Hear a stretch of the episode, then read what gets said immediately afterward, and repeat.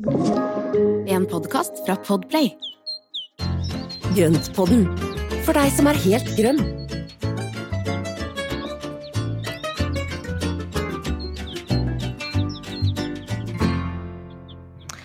Hei og velkommen til Grønnpodden.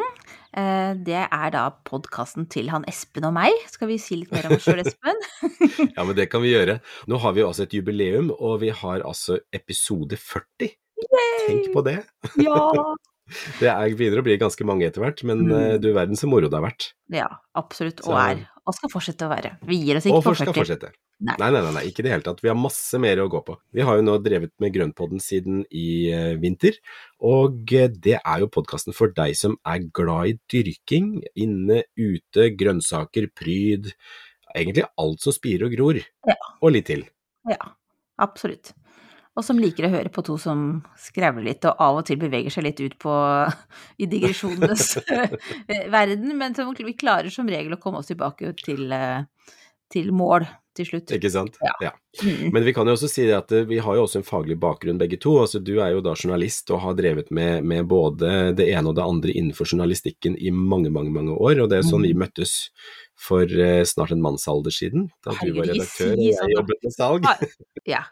Det er jo ikke to, det ikke ti, to tiår engang. Vi kan, vi, Nei, nei, nei. Ja, det er ikke det.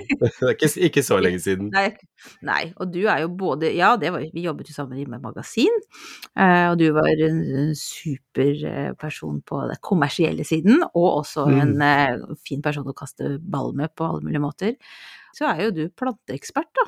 Du er jo fagperson. Ja, og ja, og så er jeg utdanna altså innenfor dette her, så jeg er jo blomsterdekoratør i bunn og har drevet med dyrking siden jeg var Ja, jeg fikk jo mitt første blomsterbed som seksåring, så det, Ja, det begynner å bli en stund siden. Så Ja. um, det kan vi ikke vel- en stund siden.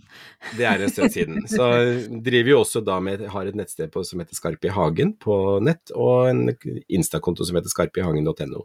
Mm. Og så har vi Insta-konto på Grøntpodden, og vi har en Facebook-konto på Grøntpodden. Ja. Så de, vi er lette å finne ute i de sosiale mediekanalene. Absolutt. Og i dag så har vi tenkt at vi skal feire episode 40 med en spørrepod. Ja. Um, så først av alt, tusen takk for alle herlige spørsmål. Det er, det er var, stor variasjon, kan vi si. Uh, Og overveldende, overveldende mye, og egentlig veldig stor bredde i spørsmålene. mm, det er det. Det blir veldig gøy. Bare advare dere om at det kan bli langt her, altså, men jeg tror det skal bli ganske underholdende. Så det er bare å, å sette seg ned, eller så får dere ta en pause innimellom hvis dere har noe dere skal gjøre. Så. Men i hvert fall, vi kjører i gang, Espen. Det gjør vi. Og nå har du, Espen, allerede litt sånn, eh, sånn hetta for at du syns at vi snakka for mye om, om oss sjøl.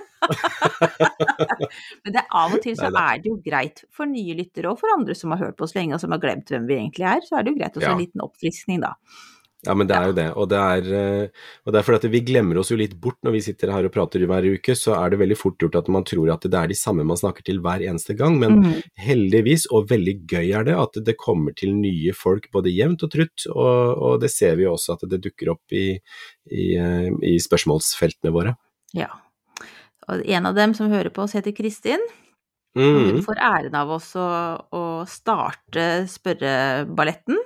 ja. Eh, da, så blir det sånn i dag at da er det jeg som stiller spørsmålene, eller leser dem, og så skal jeg egentlig tenkte jeg skulle holde kjeft når du svarer, så at vi liksom er litt effektive. Men hvis det er noe jeg lurer veldig på, som oppfølgingsspørsmål, så kommer jeg til å komme med dem. Du, du utfyller godt, til det regner jeg med, så det skal, dette skal bli bra. Ja. Mm.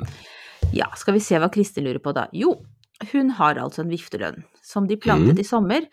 Ser veldig trist ut, med inntørkede blader lenge før det ble høst. Uff da. Mm. Den står lunt i sydvegg i vanlig hagejord, hvor andre planter trives godt. Det er i herdighetssone 1. Ja. Har dere tips?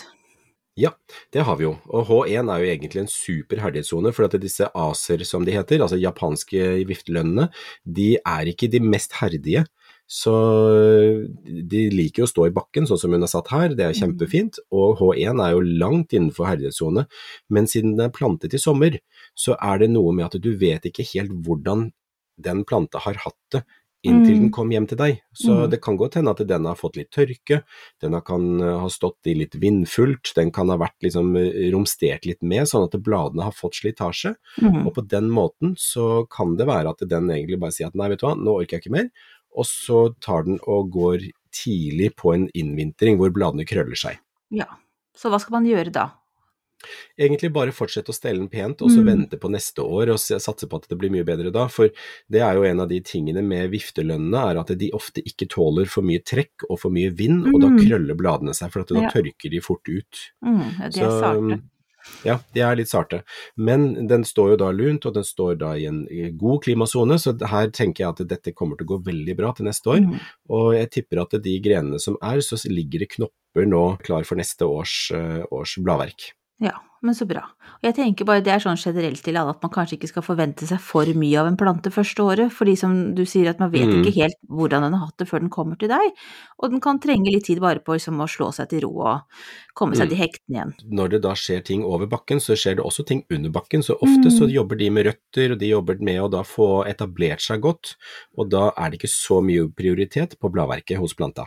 Nei, så ikke kippe ut en plante første året hvis du syns den ser litt sånn Nei, tuss nei, nei, ut, nei. Ikke sant? Mm, Gi den en sjanse. Alle fortjener en sjanse. bra.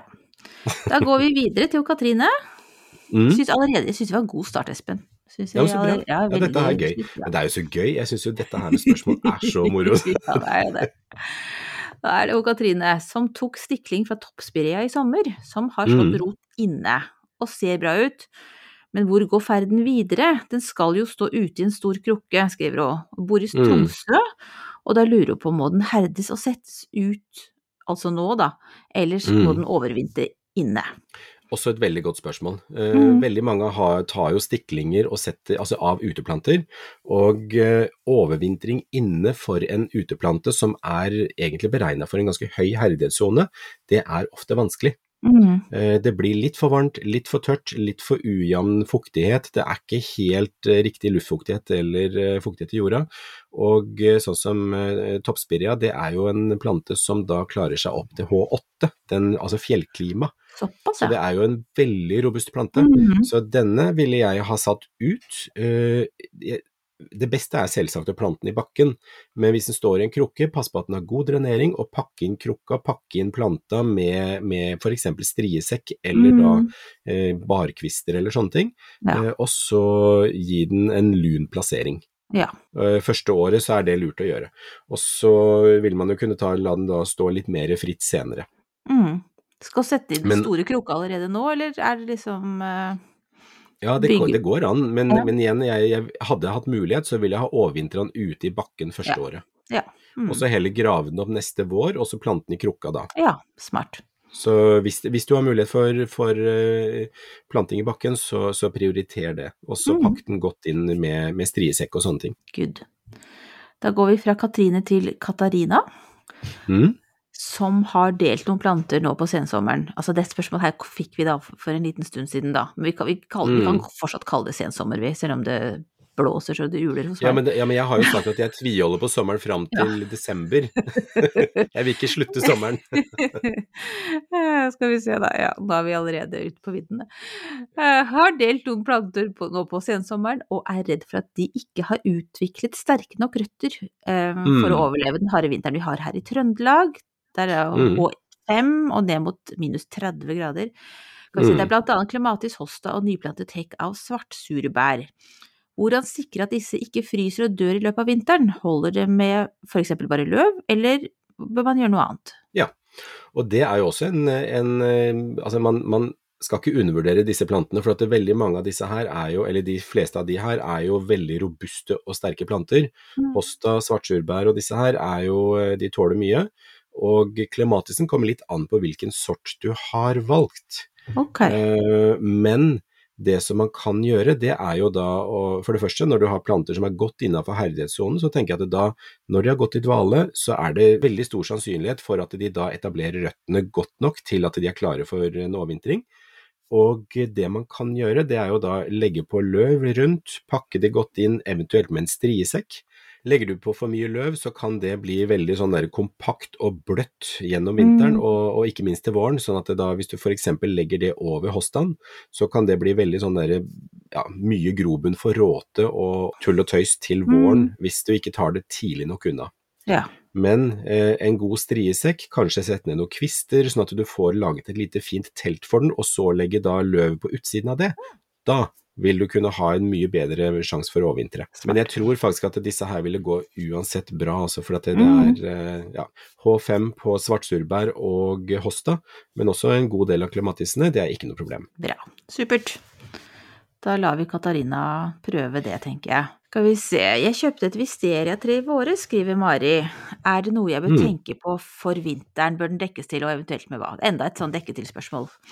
Ja, og det er jo eh, litt avhengig av hvor du bor i landet. Eh, og det er jo også noe når vi får spørsmål om planter, så tenker jeg at det er veldig lurt at man sier hvor i landet man bor, eller hvilken Mm. klimasone man har, for at da er det mye enklere for oss å svare. Visteriaen den ligger jo på, det er litt forskjellige typer visteria, eller eh, sorter, mens det er ca. H3 som er herdighetssonen på visteriaen. Eh, vi har jo fått en visteria her hjemme i, sommer også, og den er jo, vi bor i da H3, H4. Så i første året i hvert fall, så er det lurt å dekke den til, og da bruk gjerne striesekk igjen. Sånn at den da står den inntil en vegg antageligvis. Står den ute som en solitærplante, altså dvs. Si fritt ute på plen, så trengs det da litt mer tildekking enn om den står inntil en vegg hvor det er lunere. Mm. Så igjen, altså, så, så tenker jeg at det, det er jo en grunn til at jeg hele tiden sier striesekk eller andre materialer som puster som skal dekkes til med, for hvis man dekker til med for tette materialer, sånn som plast, så vil det fort oppstå for mye fuktighet, og så vil det Mm. mugne og råtne på undersiden. Hvis man da også bruker svarte materialer eller mørke materialer, vil det gi veldig mye mer varme enn nødvendig. Så det er Mm. lurt å bruke lyse materialer som en lys strie, eller da tepper eller gamle avdanka ting som er lyst og lett, sånn at det da puster og er lyst. Ja. Og på den måten så holder man temperaturen nede der hvor det er pakket inn, og at det ikke det eh, blir for tett med luft, at fuktigheten holder seg Ja. for mye. ja, men det var et godt tips.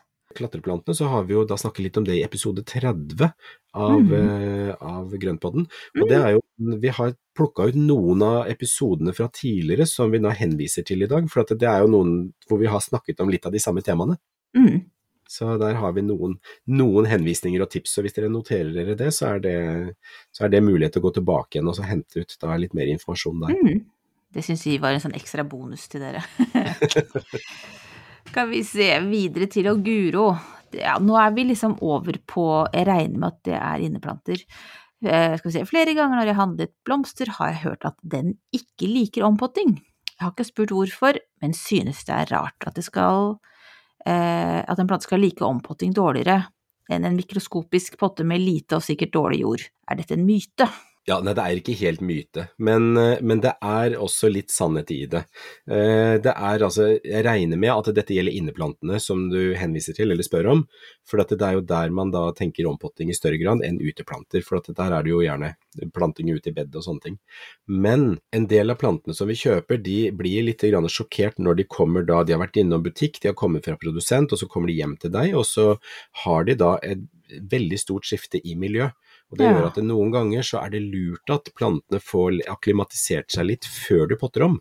For hvis du potter om, så er det også en stressfaktor for plantene. Så, så hvis, plant, eller hvis potta ser ganske grei ut, og jorda ser sånn brukbar ut, så ville jeg ha latt den stå en ja, tre-fire uker før jeg hadde pottet om. Mm. Det har jeg aldri Men visst. nei, det er, for det er jo stressmoment til å flytte plantene rundt omkring, så, de, så de, blir, jo- de blir jo litt sånn stressa av det. Og i drivhus og vekst, altså der hvor de dyrkes fram, så er de ofte under så optimale forhold at de trenger litt ekstra tid på liksom å liksom komme seg og, og klare å skjønne at de kommer til litt mer kummerlige forhold. Slummen, liksom. Eh, ikke sant. Det er litt sånn litt for lite lys, litt for tørr luft i forhold til det, det de er vant med. så Glemme vanninga. Ja, Glemme vanninga, ja. Det er veldig fort gjort. Men så er det jo også de gangene hvor du ser at du bare må gjøre det med en gang. Og jeg har jo et eksempel, og jeg kjøpte jo noen kaktuser nylig, hvor jeg så at den ene sto i en, en nesten ren torv som var skikkelig fuktig. Og dette er en kaktus som da egentlig skal stå i grus og vokser i fjellsider.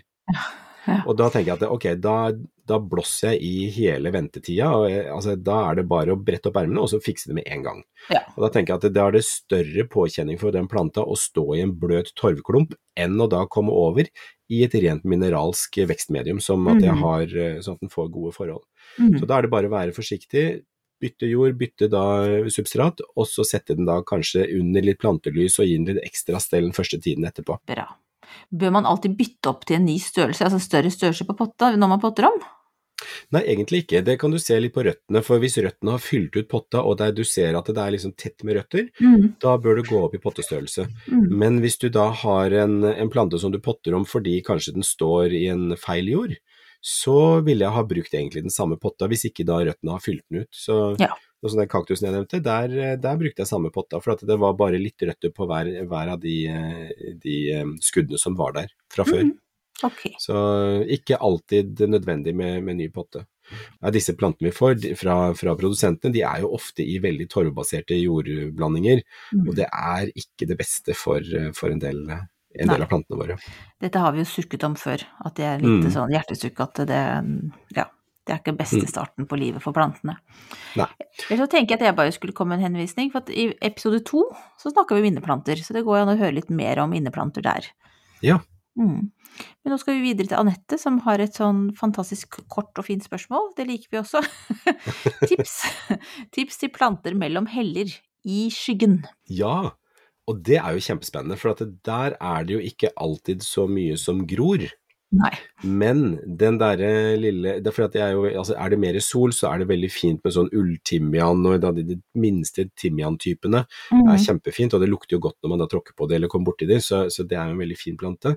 Men i skyggen så er det mer tråkkbregner som kan eh, funke. Mm. Leptinella squalida. Og det er en liten bitten bregne som da klarer seg til H4, eh, og er lav, bitte små blader, kjempefin, fyller fantastisk ut mellom tråkkheller. Mm. Eh, Men der tenker jeg også at det er veldig mye spennende mosevarianter. Så hvis man har lyst til å prøve seg litt på mose, så er det kanskje enda mer interessant. Ja. Eh, Og se, se mot Japan hvordan man da bruker mose istedenfor gress. Mm. Det er da du må ha mosedekte områder hvor man da har, eh, har mose i forskjellige variasjoner. Kjempelekkert. Så noen steder i hagen så er det faktisk veldig greit med mose.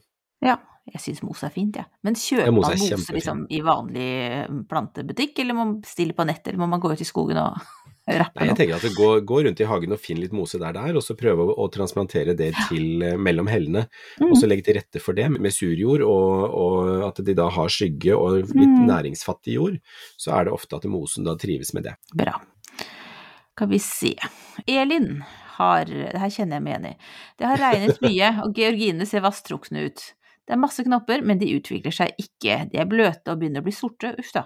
Hva skal jeg gjøre? Sette i carporten og håpe de blir tørre, eller klippe ned og lage til neste år? Her tror jeg nesten jeg kan svare, jeg òg, altså. Ja, men hva, hva ville du ha gjort, Ja, Marianne? det er, jeg ville jo fått opp de der knollene. Bra, Ja. det er jeg helt enig i. Er det vått over, så tenker jeg det kanskje er godt og vått under òg. I jorda. Mhm. Ja, og, og spesielt når da, når da det begynner å bli sorte, sorte plantedeler, og så er vi så seint, nå er vi ute i oktober, så tenker jeg at da er det helt innafor å grave de opp.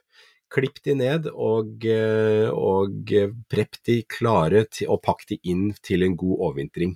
Mhm. Det ville jeg gjort nå. For at det, hvis plantene er såpass eh, dvaske nå, så er det ikke noe særlig sjanse for at de rekker å ta seg opp igjen, selv om det skulle tørke opp litt ute. Bra. Du, nå har vi faktisk, det var første av fire Georgine-spørsmål på, Ja, på det har vært mye Georgine-spørsmål, det- så det er jo kjempebra. Mm. Ja. Skal vi se. Neste er Pernille. Når må georgineknollen graves opp? Planten er superfin i et bed og full av nye knopper. Ja, og da er det ikke noe gøy å grave opp. Så, så i, har du mulighet til å vente til første frostnatta har vært der, så ville jeg ha gjort det. Mm. Plukk inn det som er av blomstrende blomster, og fyll opp vasene så lenge du kan, og la de nye knoppene komme så lenge som mulig, og så tar du de når de begynner å bli litt sånn svidd av, av første frostnatta. Da Mm. er det bare full fart å grave de opp, klippe de ned, og så preppe knollene for neste år. Ja. Og hvis det skulle bli mye vann før frostnatta, og det begynner å se litt stygg ut, sånn som Elin fortalte om, så Mm. da vet du hva du skal gjøre. Ja. Ja, vi ser. altså vi Solveig. Kan georgineknoller som ikke rekker å blomstre, fungere neste år? Ja, det kan de. Og eh, du vet, noen ganger når man kjøper knoller som, eh, som man får da på våren, så Mm. er de litt for dårlig altså, det er, er, altså Jeg har i hvert fall ut fra min egen erfaring så har jeg sett at noen ganger så er de så knekt og ødelagt at det som kommer, man tror jo ikke det skal komme opp noen ting. Og enkelte ganger så er de så spinkle og dårlige at man, de trenger kanskje en sesong på å bygge seg opp og bli Mm. sterke nok til å blomstre. Ja, jeg kjøpte treulike, jo- og det var en av de som bare Den har vært liksom to blomster, mens de alle andre har vært fantastisk frodige. Så da Mm. ja, jeg tenkte på det du fortalte om, at ja, men da lar du dem bare få en sesong og bli sterkere. Mm. Og det er jo, jeg hadde jo det med en, en knoll som nå i år har blomstra, den har brukt to somre på liksom å, å bygge seg opp. Uh, og det er en sort som heter Akita, som var veldig, veldig fin, men den, Mm. den har vært veldig treig, altså. Mm. Så, men i år så har den kommet masse, masse, masse blomster. For at i fjor så fikk den da den gode sommeren den trengte for å bygge opp knollen, og så rakk den å sette noen knopper som ikke fikk sprunget ut før frosten kom. Og så i år så kom den da med god blomstring, så alle fortjener en mulighet. Ja. Og altså, nå fikk jeg så lyst til å kjøpe mye flere georginer. Du, altså jeg har, for jeg har jo begynt jo liksom i år, og har begynt med tre ulike, og jeg kjenner Ja. jo at det, det her eh, Det var bare begynnelsen, altså. Ja, men det er så gøy, og det gir så mye. Mm. Ja, veldig. Nei, skal vi se da. Og så har vi May-Linda. Siste, jo, det er det siste georginespørsmålet. Det er Mm. skal vi se, ja. Hva gjør man med georgineknoller når man ikke har frostfri kjeller eller garasje? Kan man Mm. isolere den esken som man skal ha knollen i, på en måte slik at de overlever til våren? Ja, og det er jo et godt spørsmål det også, for at det er mange som ikke har den kjølige overvintringsmuligheten. Uh, og du kan jo lage en boks, eller altså à la en isolert boks, men da er det viktig at det ikke blir frost inni boksen. Ja, hvis den er godt isolert, så kan man kanskje legge inn noe li, lite varmeelement som bare holder en fem grader eller et eller annet. Noe som bare holder temperaturen litt grann oppe. Mm. Eh, hvordan det rent praktisk skal løses, er jeg veldig usikker på, men eh, for knollenes del så bør det være mellom fem og ti grader, og eh, relativt tørt for at de skal klare seg. Ja. Det her burde jo egentlig noen lage. Kanskje det vi skal begynne? Grønnpoddens isolasjonsboks for knoller. kan det være et marked Det for er, det? det er en god forretningsidé, kanskje vi skal prøve, høre om det er noen der ute som har lyst til å være med på det. ah, ja, det hadde vært litt gøy. Mm. Ok, ja, vet du, så tenkte jeg at siden vi nå har hatt så mange Georgine-spørsmål, og vi vet at dere er kjempeinteressert i det, så kan Mm. dere gjerne høre om igjen, eller hvis dere ikke har hørt det før, høre for første gang episode 6 og 38. Mm. dere vi lærer mer om georginer. I den ene så handler det om hva man gjør på begynnelsen av året, og så i Mm. 38 så er det jo liksom denne sluttfasen av sesongen. Hva gjør vi for å overvintre de? Yes, rett og slett. Marion har lyst på en engletrompet i hagen sin, men ser at den er veldig giftig. Og så har hun noen tantebarn som hun er bekymret for. Ville dere hatt denne i hagen hvis dere kunne fått besøk av tantebarn? Ja. Ja. Jeg ville, jeg ville hatt det. Og det, det, jeg tenker at det er noe med eh, Det fins så mye giftige planter i hagen og ute i naturen at det er vanskelig å beskytte seg mot alle. For at det, altså det er jo en av de giftigste i blomstene i hagen, er jo faktisk helleborus, altså ei julerosa, som vi da Ja. ofte bruker i vinduskarmen til jul. Mm. Så det er noe med at det, jeg tror det er vel så viktig at man passer på at de plantene som er giftige, så, så sørger man for at de står litt grann mer utilgjengelig for barn og hunder, eller valper. Mm. Eh, og eh, så tenker jeg det at det, det viktigste er å lære, lære de små at det ikke det skal spises på grønt ute i hagen, Mm. eller ute i naturen. Ja. For det kan være farlig. Og eh, jeg tenker at det, det er jo ikke noe Den, den er jo ikke så giftig at, det, at, det, den, at den ikke kan stå i hagen, det er bare det at man må ikke spise den. Og det, Mm. det er veldig sjelden at man da går bort og spiser av planter som står i potter. Ja. Så jeg tenker at eh, jeg ville, eller jeg, jeg tar sjansen. Jeg har besøk av onkelbarn som, som har vært små og nå begynner å bli større, og det er giftige planter her. Jeg har store engletrompeter, Mm. og de har aldri vært interessert i å prøve å gjøre noe med de heller. Så Nei. Nei, jeg er helt, ja, jeg er helt enig med deg. Jeg har jo fem barn. Jeg kan liksom ikke huske at noen av dem har stått og gnafsa på noe plante Nei, ikke sant. alder. Og når de er små, så tenker jeg at da, da følger man jo litt med. Ja, så, og så tenker jeg at da engletrompetene er så fantastisk vakre i seg selv, at de, Mm. de har, er verdt å ha, ha i hagen allikevel. Og en liten ting man kan gjøre da, for, å, for å gjøre det enda litt mer vanskelig, det er å da la de, la de få lov å vokse opp sånn at de får stamme. At de er oppstammet, og dermed så vil jo bladverket være mye høyere, sånn at det Mm. ikke noen rekker opp til det også. God Da er det bare en enkel stamme i, eh, i bunn. Ja. Nei, jeg ville, jeg ville ha beholdt, eh, beholdt engletrompeten. Ja, jeg er enig med deg. Skal vi se. Lisbeth. Det er det siste spørsmålet før vi tar en liten pause, folkens. Så nå må dere, nå må dere følge med. Ja. Skal vi se. Det er tid for å tømme blomsterkrukker og rydde i hagen. Jepp. Mm. Om man har fått for eksempel trips, meldugg, lus eller lignende på planter eh, eller i jorden, kan du da ha det i komposten? Jeg fikk trips i drivhuset mitt, og jeg har masse kompostsnadder som jeg håper å hive i pallekarmene mine, kald kompost. Mm. Vil trips dø under en normal vinter med kuldegrader over en periode? Bor ved Telemarkskysten. Ja, det er også et veldig godt spørsmål, for vi har jo snakket tidligere om når det er sopp og, og sykdom på blader, spesielt på roseblader, så raker vi det bort, og så kaster vi det, og så brenner vi det opp, fremfor å putte det i komposten. Mm. Eh, Så dette her er jo et, en veldig god, eh, god grunn til bekymring. Når det gjelder trips, så finnes de i ulike varianter, og enkelte av, av de variantene vil kunne overleve vinteren i Norge. Så siden det da finnes flere forskjellige, så er det vanskelig å si riktig hva det, hva Mm. det Altså hvem, som, hvem du har, får ha på besøk.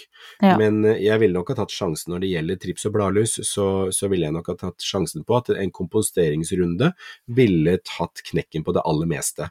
Mm. Uh, og når det gjelder meldugg, så er meldugg den er jo relativt artsspesifikk, sånn at meldugg på én plante går ofte ikke over på andre planter hvis ikke de er i samme familie. Ok. Og det gjør at eh, hvis du da har tenkt til å plante det samme i pallekarmen, så vil de sporene kunne ligge og vente på neste år, og da ville jeg ikke ha lagt de der. Hvis du har tenkt å plante noe annet i pallekarmen, da ville jeg lagt de der. Sånn at det bare bytter ut plantene, og det er jo sånn som vi snakker om dette med vekselsbruk, og ikke du planter de samme år etter år, Mm. fordi de da plantene trenger ulike næringsstoffer, så, så tenker jeg at det er, eh, er greit også å kunne slå to fluer i en smekk, da. Ja.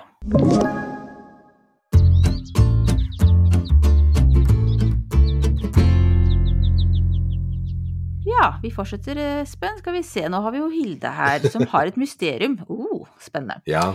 Jeg har en liten skråning hvor jeg plantet syrinhortensia og to andre busker som jeg ikke husker navnet på. Eh, veldig mm. gjenkjennelig. Eh, de ble plantet for noen uker siden og så flotte og frodige ut. Vi gjødslet de godt og la på duk og pukk, for kan ikke bark her eh, fordi det blåser så mye. Nå Mm. ser alle tre buskene døde ut. Hva tror dere er årsaken? Jeg synes det er så hyggelig at hun sier dere, Uh, Ja, og ikke er- bare du, Espen. Uh, uh, blir det for tungt med, med pukk? Har gjort det samme med epletrær og bøkehekk, og det ser ut til å ha gått fint. Hilsen Hilde.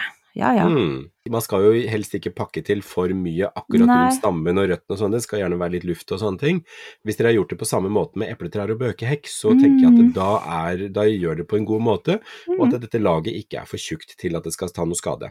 Så det blir litt, det blir litt sånn tilbake til dette vi snakket om eh, på, med, med tanke på viftelønnen, viftelønnen, at Mm. det, du vet ikke helt hvilke forhold disse plantene har hatt gjennom sommeren, og hvis dette er planta nylig nå, så kan det godt hende at den flytteprosessen og det at de er plantet på nytt sted, gjør at plantene bare kaster bladene og sier at nei, vet du hva, nå skal jeg konsentrere meg om å etablere røtter og gjøre de Mm. tingene under bakken, og at Ja. da knoppene står klare for neste år.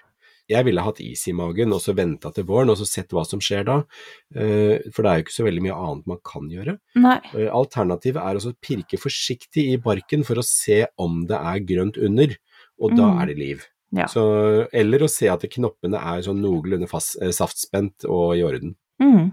Bra tips. Så vil du jo gjerne vite hvordan det her går, da. Så Ja, Hilde- vet du hva. Så Hilde, hvis du er snill og sender oss en liten update til våren, og når du ser at det spirer, eller om det ikke spirer, så, så hadde vi vært veldig, veldig nysgjerrig på det, altså. Mm, det absolutt. Uh, ja, så har vi spørsmål fra en Her har ikke jeg fått med meg navnet, ja, så det var litt teit. Men det er mange som lurer på det, så vi kan jo si at dette Ja. spørsmålet er fra oss alle. Når skal gresskar høstes, egentlig? Ja, du har jo mer erfaring med grøsskar du, Marianne. Hvordan er det, når høster du dine? Å gud, nå hørtes jeg som den eksperten, jeg er jo ikke det, da. Men altså, sånn erfaringsmessig så er det jo at når stilken liksom begynner å bli litt sånn Altså, blir litt bleikere eller mister litt fargen, og så blir den litt mer sånn der hvete, liksom. At da, mm. da, da er den klar, og så er skallet skal være ganske hardt. Så hvis Mm. du prøver å sette neglen ned inn, så skal det ikke komme noe trykkmerke så veldig lett. Nei, ikke sant. Ja, så det er, eh, det er, eh, det er mine tips, da. Herregud. Ja. Ja. Nei, men det stemmer jo, det er jo helt supert. For det, er jo, det er jo nettopp det. At du, du ser på stilken til gresskaren når den begynner å gulne og sånne ting, så Mm. slutter jo egentlig planta å levere næring til gresskaret. Og Ja. da er den egentlig ferdig. Mm. Og så begynner jo da celleveggene å bli litt sånn hardere og herde, sånn at det da blir mer solid. Og i tillegg så kan du da, når du dunker på den med fingrene, sånn, sånn du liksom Mm. du, du slår fingeren litt på, så hører du at den er litt sånn hulere Ja, enn eh, tidligere. Yes. Mm. Ja. Liten dunk. Ja, sånn Ja. dump lyd.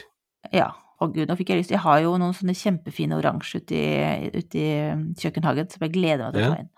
Så bra, Som det er moro. ja, som også er litt sånn, litt sånn bleke og gule på, på stilken og klare Ja. for å hentes inn. Ut på skattejakt. Ut på skattejakt. Jeg tenkte jeg skulle ta med barna mine, dra, rive dem vekk fra mobilskjermen og ut på eventyr i naturen. Det er veldig bra. Ja. Skal vi se. Det er Beate, da. Som Ja, den er litt interessant, syns jeg, altså. Alle, alle mm. spørsmål har vært interessante, men også dette her er sånn jeg prøver å si det. Det er ikke noe, Ja, det er ikke noe kritikk av de andre. Hei! Nei, det har vært mye bra. Ja, veldig mye bra. Hei, sier Beate. Vil dere laget en episode om plantelys? Ja, det kunne vi jo egentlig også gjort. Det skal vi, vet du hva, det skal vi gjøre. Vi skal Ja. ta for oss plantelys og vekstlys og, og gjøre mye mer av det, for det skal vi ta når vi Mhm. kommer ut på vinteren. Mm. Så, og litt grann mer grunnleggende på det. Så det skal vi gjøre. Ja. ja. Skal vi se, hun lurer bare på om vekstlys og plantelys er det samme. Skal vi Mm. se. Vi kjøpte lys på plantasjen, eh, og der er det lav watt. 15 til 23. Men vi pratet med en gartner som sa at om det skal ha effekt på krydderplanter og lignende, må det være over 100 watt. Har de med lav watt ingen effekt? Hadde vært spennende å lære mer om dette, for nå er vi helt forvirra her. Mm. det forstår jeg.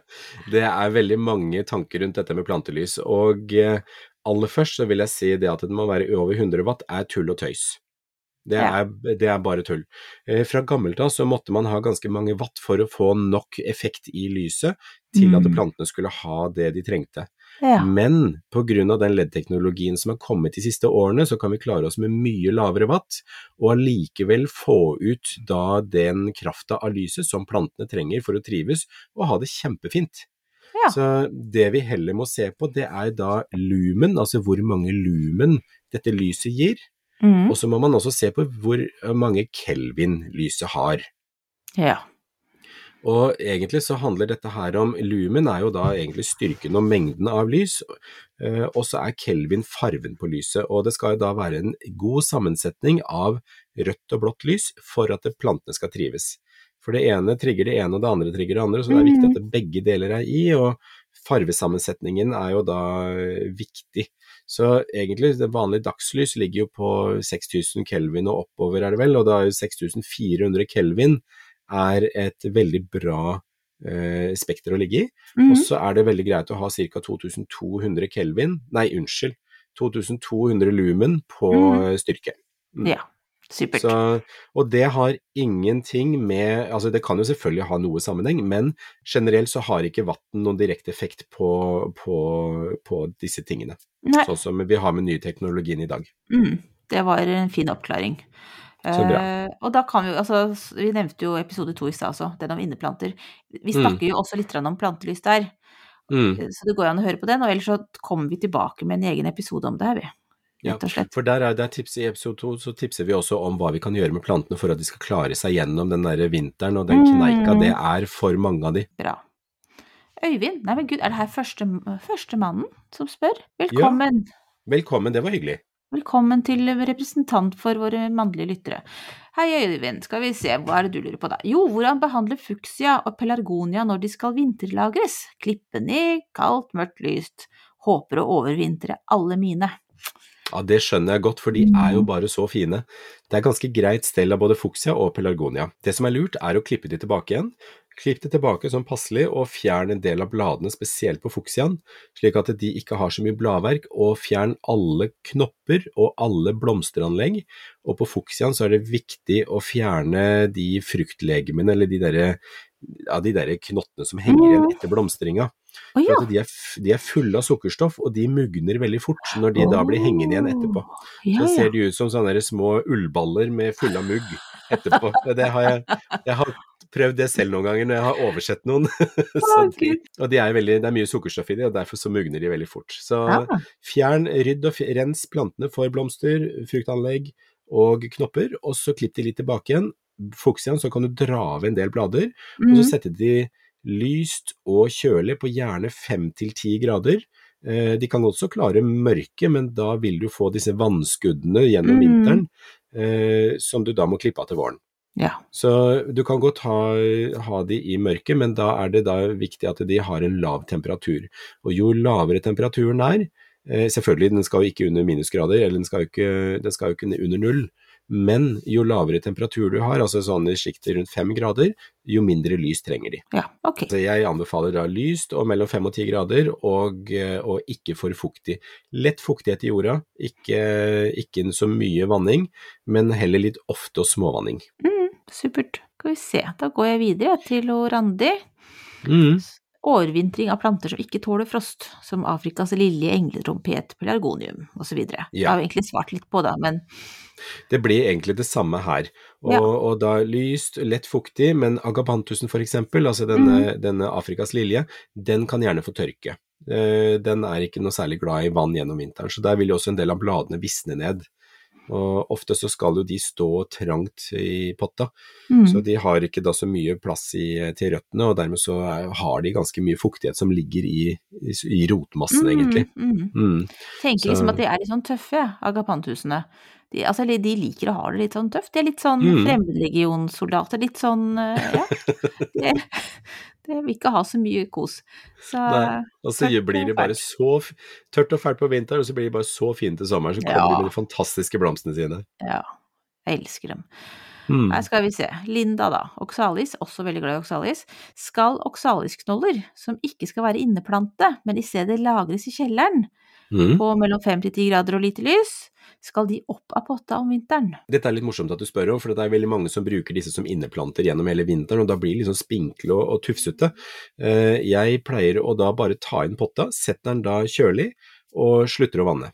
Og oh. da visner alt sammen ned, så gjør jeg ingenting mer med den enn eh, Ja, jeg gjør virkelig ingenting med den før ut i februar, begynnelsen av mars. Og da tar jeg de opp av potta, og så smuldrer jeg opp de knollene, og så bare blander jeg de i jord utover i så mange potter som jeg har lyst til å ha, og Mm. så vips, så har jeg 30 nye planter av en potte. Det er superenkelt å gjøre, men det forutsetter at det er denne som heter eh, Oxalis triangularis, Mm. den med de røde bladene, sånn tre røde blader. Mm. Hvis du derimot har den grønne varianten med det der krysset i, med fire blader, altså eh, den som heter Oxalis eh, quadrangularis, som da har fire blader, Mm. eh, der er det en som heter Iron Cross, som har den der fine mørke feltet over de fire bladene. Mm. Der er det mer løker. Så der kan du også ta de opp på våren og fordele de utover i flere potter, men der er det mer definerte løker som du vil finne nede i jorda. Så, men begge deler, inn, sett de da bare eh, lyst eller mørkt, hva du vil, men kjølig og tørt. Ja. Og så visner de ned. Så de kan henge sammen med agapantusen om vinteren. Ja, ja, ja. ja. Ja. Inni en krok, mørkeste kroken i en eh, kald kjeller går helt fint. Bare ikke glem de til våren. ja, er det da? Ja, skal vi se. Da går jeg videre til Katarina. Har kjøpt et eh, lite småbruk og bygd nytt hus. Eh, og nå skal hun forvandle åker til hage, men vet ikke hvor hun skal starte. Altså, det her Så heldig. Ja, det her høres Dette er jo fantastisk. Det er liksom som dere, tenker jeg. Ja. Bare enda tøffere, tenker jeg. Herregud, hun har altså pløyd opp åkeren og skal gjøre om til hage. Gud, så gøy. Altså, jeg tenker at det her går jo egentlig inn på hagedesign, og det fortjener en egen episode. Mm. Uh, men det jeg tenker litt på sånn at uh, Noen innledende tips, da, som man kan Mm. liksom ha oppi huet, er jo det der å bli kjent med, med plassen. Altså solforhold og vind og jordsmonn. Um, og så tenke på hva dere ønsker å bruke hagen til. Uh, og også hva slags herdighetssone det er. Mm. Og kanskje hva slags vekster dere liker. Og kanskje også se litt rundt i nabolaget, hva slags, hva, hva slags vekster er det som trives der. Det er kjempesmart. Mm. Ja. Og alle disse tingene som du da nevner nå, Marianne, det er jo ting som da eh, som de gjerne kan notere seg på i, Mm. en, eh, i en idébok. Som de God kan da fylle ut gjennom vinteren, for at da kan man da begynne også egentlig få ideene ned på papir, og så begynne å tenke ok, hva er de grunnleggende tankene for hele opplegget her? Og Mm. så kan man begynne å tenke planen etterpå, etter det. Ja, og så tenker jeg at det er jo ikke noe i veien for oss å kanskje kontakte en, en som er fagperson på det her, bare for å få kanskje et sånn Altså, det er jo snakk om å bygge opp en hage over tid. Man kanskje tar liksom mm. strukturen og sånn først, og der kan det jo kanskje være en idé å få litt hjelp fra noen, eventuelt finne det mye bra bøker om det. Eller så skal vi også da lage en, en episode om det, der vi også skal, komme med litt mer um, tips om det her sånn. Mm. Så, Og det med tid, som du sier, det er jo kjempeviktig. For det er noe med at dette her er jo et stort prosjekt som kommer til å gå over mange år. mm, Eh, å etablere en, en hage fra ingenting, det tar en del år. Og, og da er det fint å få dette rammeverket på plass i bunn først, før man da ja, Så du kan jobbe på kort sikt og på lang sikt. ja. Finne ut, liksom finne ut hvor, hvor er det det er hyggeligst å sette seg og ta en kaffe. Eh, og også tenke på kanskje sånn som store ting, sånn som trær og sånn, som trenger litt tid på å vokse seg til. Kanskje de Mm. skal plasseres ut før man tar eh, den lille stauden som skal stå i et hjørne, liksom. At man tenker Ja. litt store strukturelle ting først, da. Ja. Veldig godt tips. Ja. Gud, kanskje skulle begynne med sånn hage, eh, bli landskapsarkitekt. Et annet liv. Det, men det er veldig spennende. Altså all respekt til de som jobber med det, for det er jo utrolig hva de får til. Mm. Eh, ja. Men ellers så har jo vi laget en Vi snakket jo om uterom eh, Mm. i episode 14. Ja, så det kan det også vi. være å høre på, høre på der. Det er en del tips der òg. Skal vi se. Anne-Lise. Oi, oi, den her er kjempeambisiøs. Den her overlater jeg så fullstendig til deg. Deres beste råd for å etablere en hage med blomstring gjennom hele sesongen, det vil si fra juleroser og snøklokker og til høstflokks sent på høsten, sånn at man til enhver tid har to til tre planter som blomstrer. Det vil jeg også ha, Espen. Kom igjen. Ja, men det er, det er faktisk også et, det er et veldig stort spørsmål. Mm. Eh, dette, så dette her er også noe vi, vi har snakket litt om at vi skal ta og lage en egen episode om i vinter. For at Ja. det er noe vi kan da, når vi skal drømme om en ny, ny sesong og hagen da for neste år, så tenker jeg at dette her det er fint å kunne gjøre, for da kan vi planlegge da dette her. Det som jeg tenker som et utgangspunkt, det er å lage en liste over alle de plantene du har i hagen, og når de blomstrer, eh, slik det er nå. Mm. Og det som du da i neste steg kan gjøre, det er å se på når er det tomrommene, altså dette kan være i en kalender egentlig, at man da ser på når er tomrommene hvor det ikke er blomstring, og så må man begynne å lete etter planter som da kan fylle ut de tomrommene. Og det som man da ser på hagesentrene er at de aller fleste plantene er merket med både herdighetssone og blomstringstidspunkt. Mm. Så i tillegg til eh, det at man da også fyller ut med godt bladverk som da er dekorativt sammen med blomsten, som løfter fram alle blomstene hele veien, Mm. gjør at hagen også får dette frodige uttrykket. Så, men du har jo også en ting til, og det er jo eh, tidspunkt for blomstring kan variere litt avhengig av hvor i landet du bor. Så siden ikke vi vet noe klimasone her, så er det litt Mm. vanskelig å komme inn på de detaljerte eh, plantevalg. Ja. Men det er jo da planter som da kanskje blomstrer tidlig på, på Sør- og Østlandet, så vil da blomstre senere litt lenger nord. Mm. Så ta, man må ta høyde for også klimasonene, slik at man da ser når blomstringstidspunktet er. Ja. Mm. Jeg håper det var, et, eh, det var en start på et svar, og så kommer vi Mm. tilbake med en ny episode om dette her. Mm. Og da ble jeg litt inspirert til å lage en slags eh, sånn eh, blomstringskalender. Mm. så sette opp og bare ha i den lille hageboka mi. Ja, så bra. Bare Ja, synd det jeg har utrolig dårlig hukommelse, så jeg husker jo ikke. Da så må jeg liksom ta neste år og gjøre det. Men det er derfor det er lurt å gjøre det nå når kanskje det er friskt i minne Ja. hvor, hva som har blomstra, og, Ja. og det som også da er eh, det som da også blomstrer ikke minst seint på høsten, for at det er noe med å bare merke seg de tingene Mm. som er nå. Mm. Ja, kjempegodt tips. Nå har vi altså da episodens aller siste spørsmål, Ja, og det er fra Monica. Etter å ha høstluket fikk jeg tips om å legge på et tynt lag, ca. 4 cm, i de åpne områdene, i bedet da sikkert, eh, for mm. å få en fin start på våren uten ugress. Da jeg Mm. nevnte det for en lokal gartner, sa hun at kugjødselkompost var tingen. Kan det stemme å gjøre dette nå før vinteren, eller vil det forvirre plantene og eh, si, vil det forvirre plantene eh, at man da legger på jordforbedringsmateriale såpass sterkt nå i høst? Altså at såpass sterkt jordforbedringsmateriale, mener hun da, mm, ja nå i høst. sant. Eller er det bedre å bare fylle på med løv? Og det er også et veldig, veldig veldig godt spørsmål, for at det er jo nå som, eh, som man skal da gjøre alle de tingene som skal gjøre at plantene klarer seg godt gjennom vinteren. Mm. Eh, når plantene har gått i dvale, og når de først har liksom lukka seg og liksom lukka butikken for i år, så er de ikke så eh, sensitive i forhold til gjødsling. Så, så kugjødselkompost hadde egentlig fungert veldig godt. Men hvis du har en kompostkvern og har beskåret litt ting og tang i hagen, så ville jeg mye heller ha brukt det oppkverna kompostmaterialet, og heller lagt et tilsvarende lag med flis, oppkutta ting, eh, bladverk og alt dette rusket som du får, for da Mm. får du en mye mer porøs og fin eh, overflate i, på jorda. Ja. Og det er jo noe som vil brytes ned over lengre tid, og på Mhm. den måten gi en mer langsiktig effekt på jorda og på mikrolivet som, som finnes der. Så istedenfor, for at det- kukomposten den er jo ofte tilsatt ganske mye torv, og den er super å da ha som jordforbedring og legge på og blande inn og gjøre disse tingene, men når du skal legge bare et lag oppå, så er det fint å ha noe som beholder strukturen, så et oppkvern oppkverna kvist- og bladmateriale er fint. Så, mm. Og rent løv vil bli veldig sånn kompakt dekke, som da kan gi, eh, gi litt sånn ugjennomtrengelig Ja. eh, sjikt mellom da jord og luft over. Mm, mm. Bra. Så den der kvistmiksen er veldig god, altså. Så Mhm. fire-fem centimeter med det ut i alle bed og overalt, det er helt supert. Og det vil i tillegg gi masse gjemmesteder for mikroliv og småkryp og alt det som vi ønsker oss i hagen. Ja, det er så fint. Mer om gjødsel og kompost, det finner du i episode tolv. Mm. Og med, med det så var det. det var, da er vi ferdig med alle spørsmålene for denne gang. Vi må ta en ny spørrepod senere, da. Ja, det skal vi gjøre. Dette eh, var gøy. Ja, det var veldig gøy.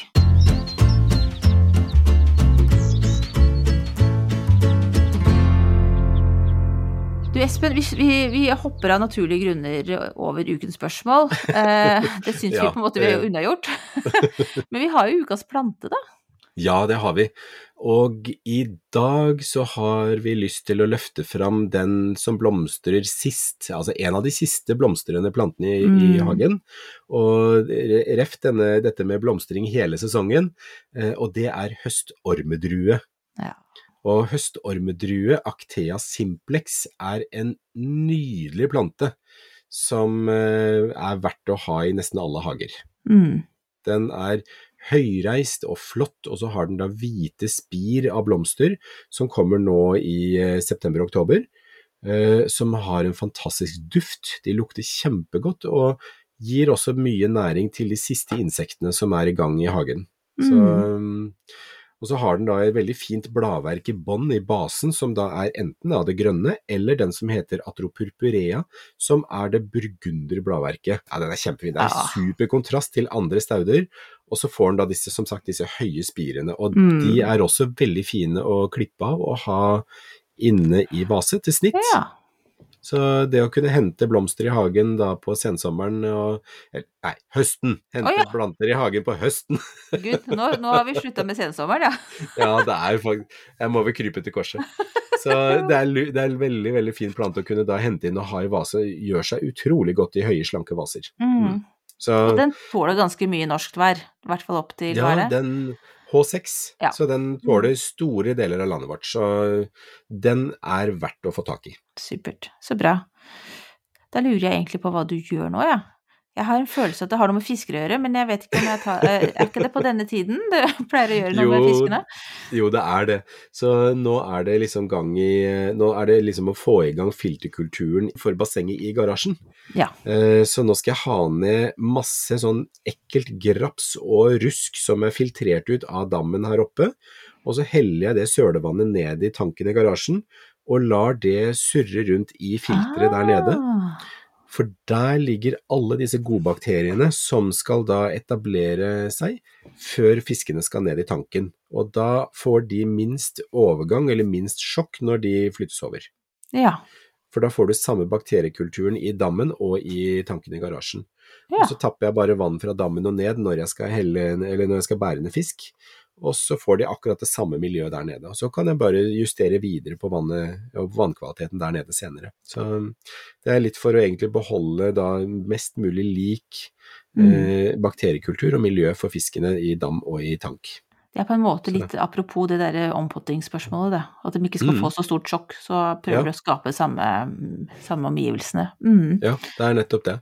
Så de unngår sjokk, for det er jo da også på fisk, sånn som med planter, at hvis de får for stort sjokk, enten i form av temperatur, vannkvalitet og sånne ting, så kan de bli syke. Og det er jo mye mer vrient å, å, å medisinere sykdom enn å Mm. da legge forholdene til rette for at de har en god og myk overgang. Så, Mm. ja, så det skal jeg drive med. Hvor Så, mange men du fisker er det snakk om egentlig? Jeg bare spør om det. Hvor mange er det du Ja, nå er det 21, så Herregud. de er, og noen av de er så svære, så det, jeg må egentlig redusere eh, ideelt. I forhold til størrelsen på tank inne, så burde jeg hatt 15. Ja. Så det er egentlig en fem-seks stykker som burde hatt nye hjem. Men eh, jeg har jo ikke hjerte til å velge ut de fem-seks stykkene. Nei. Så, Åh, ja. så det er Ja, men jeg har ikke, da må jeg bygge større garasje.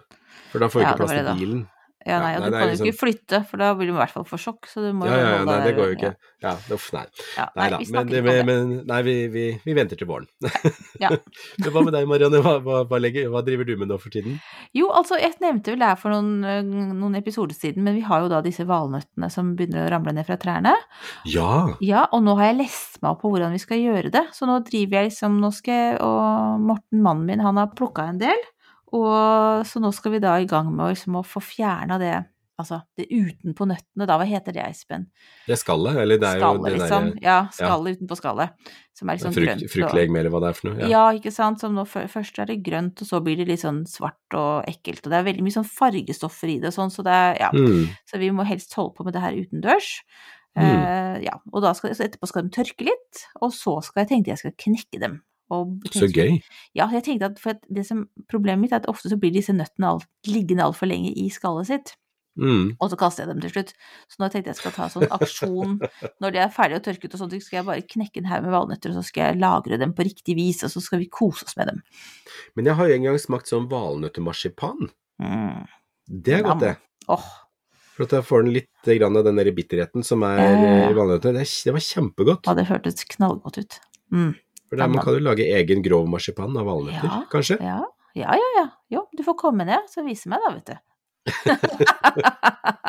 Jeg har bare spist det, jeg har aldri gjort det. jeg vet det, ja, men det er et godt utgangspunkt. Da vet du hvordan det skal smake, i hvert fall. Ja, ikke sant. Det er veldig bra. Mm. Da har vi en plan. Du, det her har vært Jeg tror dette er, det blir, eller har blitt, den lengste episoden vi noen gang har lagd. Ja, det er det. Eh, Så nå skal vi egentlig bare si takk for oss. Men Mm. før det så må vi jo fortelle om hva vi skal snakke om i neste episode. Ja. Og det er jo det er egentlig litt basert også på mye av de spørsmålene vi har fått. For at det Mhm. er en del Det har vært veldig mye spørsmål om dette med overvintring. Hvordan vi skal sørge for at vi da gir en trygg overvintring til da de plantene, sånn som oliven, sitron, eh, fuchsia, pelargonia, alle disse her varmekrevende syd, Ja. syd, sydenfarerne. Ja, eh, sydeuropeerne våre. Ja, Ja, som har forvilla seg opp hit. Mm. Eh, og at vi da hjelper til med å faktisk gi noen tips og råd rundt akkurat dette med overvintringa. Så det skal vi snakke om neste gang. Det blir bra. Mm. Mm.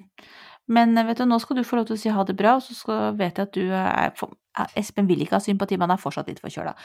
Så nå kan du få lov til å ta en pause etter det her, altså. Ja, men det skal jeg gjøre. Tusen takk, Marianne, og tusen takk for alle dere som hører på i dag. Og Ja, og takk for alle sendte inn alle spørsmål og Ja. alt sammen. Så hjertelig Herlig. takk for i dag. Ja. Ha det bra. Ha det bra.